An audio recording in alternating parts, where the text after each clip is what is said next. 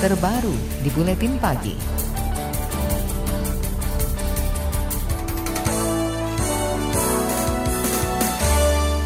Menko Perekonomian Airlangga Hartarto mengatakan ada sejumlah aturan baru di dalam Omnibus Law Cipta Lapangan Kerja. Di antaranya adalah aturan fleksibilitas waktu kerja dan program jaminan kehilangan pekerjaan oleh BPJS Ketenagakerjaan. Ada fleksibilitas daripada waktu kerja dan tentu jam kerja ini diatur dalam kaitan seperti undang-undang yang sekarang di mana di luar 40 jam itu ada waktu lembur. Kemudian berikutnya juga pemerintah akan memberikan dengan pelaksanaan daripada perundang-undang ini juga akan ada hal yang terkait dengan sweetener terhadap pengupahan. Jadi ada hal-hal baru yang akan diberikan kepada para pekerja. Menko Perekonomian Airlangga Hartarto juga menambahkan, program jaminan kehilangan pekerjaan tidak seperti penggantian uang PHK atau pesangon, tapi program jaminan kehilangan pekerjaan itu berupa upah selama enam bulan disertai pelatihan kerja. Program ini berlaku untuk pegawai yang kehilangan pekerjaan karena perusahaan tutup dan gulung tikar.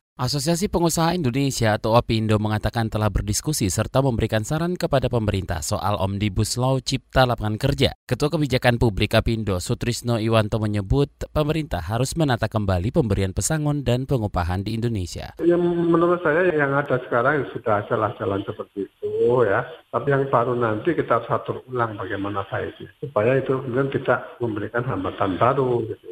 Nah nanti yang yang baru, yang rekrutmen baru, investasi baru itu yang harus diraih yang baik supaya bisa memberikan gairah bagi orang untuk investasi, baik itu investasi yang yang dari luar negeri maupun investasi yang berasal dari dalam negeri. Itu tadi Ketua Kebijakan Publik Apindo Sutrisno Iwantono. Organisasi Pekerja Seluruh Indonesia atau OPSI menilai program Jaminan Kehilangan Pekerjaan atau JKP dalam aturan ketenaga kerjaan yang baru itu berpotensi membebaskan pengusaha dari kewajiban pemberian pesangon. Sekjen Opsi Timbul Siregar menyebut pemberian JKP yang hanya berupa upah selama enam bulan disertai pelatihan kerja lebih kecil nilainya dari jumlah pesangon yang diatur dalam Undang-Undang Ketenaga Kerjaan. Nah, sekarang kalau menurut saya yang lebih pas untuk menjembatani persoalan pesangon dengan persoalan dunia usaha ini kalau nanti ya pemerintah mau pengusaha itu mencicil uang pesangonnya tetapi memang masih punyanya dia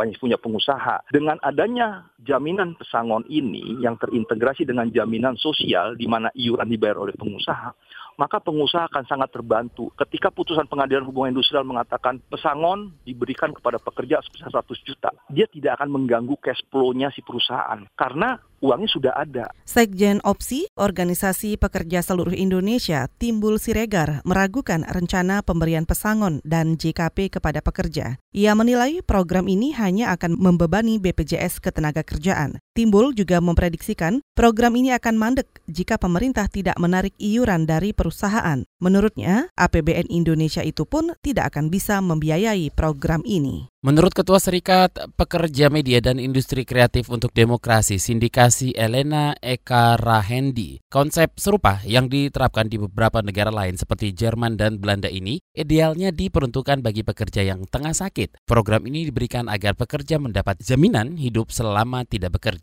Tapi kalau dengan narasi kompensasi PHK ini, ada wacana dari beberapa dokumen yang kita pelajari adalah itu mencoba untuk diarahkan jadi seperti modelnya jaminan hari tua BPJS. Meski itu belum terkonfirmasi ya. Kita coba konfirmasi ke BPJS juga mereka belum ada skema itu sebenarnya. Uh, dan ada wacana diarahkan ke sana gitu bahwa pekerja jadi mencicil juga biaya mereka untuk pesangon kan harusnya perusahaan yang membayar. Tapi kalau misalkan unemployment benefit, pekerja kan juga ikut membayar iurannya. Dalam Omnibus Law ini, Ketua Sindikasi Elena Eka Rahendi meminta pemerintah mengatur sanksi bagi perusahaan yang tidak taat membayar pesangon. Ia menyebut masih banyak pekerja yang pesangonnya tidak dibayar tepat waktu. Namun Elena khawatir hal semacam ini tidak akan diatur dalam Omnibus Law Cipta Lapangan Kerja, sebab pemerintah juga berencana menghapus sanksi pidana bagi perusahaan yang tidak membayar hak-hak buruhnya. Ketua Pusat Kajian Hubungan Industrial dan Perlindungan Tenaga Kerja Universitas Trisakti, Andari Yuriko Sari menyebut program jaminan kehilangan pekerjaan mengakomodasi ketakutan pengusaha terhadap dampak PHK. Memang ini sudah menjadi wacana yang